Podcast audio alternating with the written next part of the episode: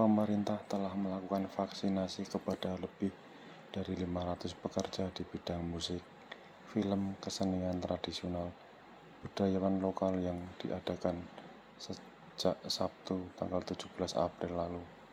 Para pekerja seni dan kreatif pun menyambut baik program vaksinasi COVID-19 tersebut. Vokalis band Gigi, Arman Maulana mengaku gembira sebagai pelaku ekonomi kreatif bisa mendapatkan kesempatan divaksinasi lebih cepat. Namun dia meminta vaksinasi juga segera dilakukan kepada pihak yang berkaitan erat dengan aktivitas seni dan kreatif lainnya.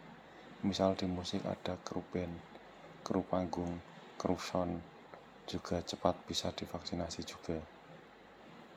Karena sebuah show tidak akan bisa berjalan tanpa mereka. Dengan begitu, kita berharap aktivitas ekonomi kreatif kembali menggeliat.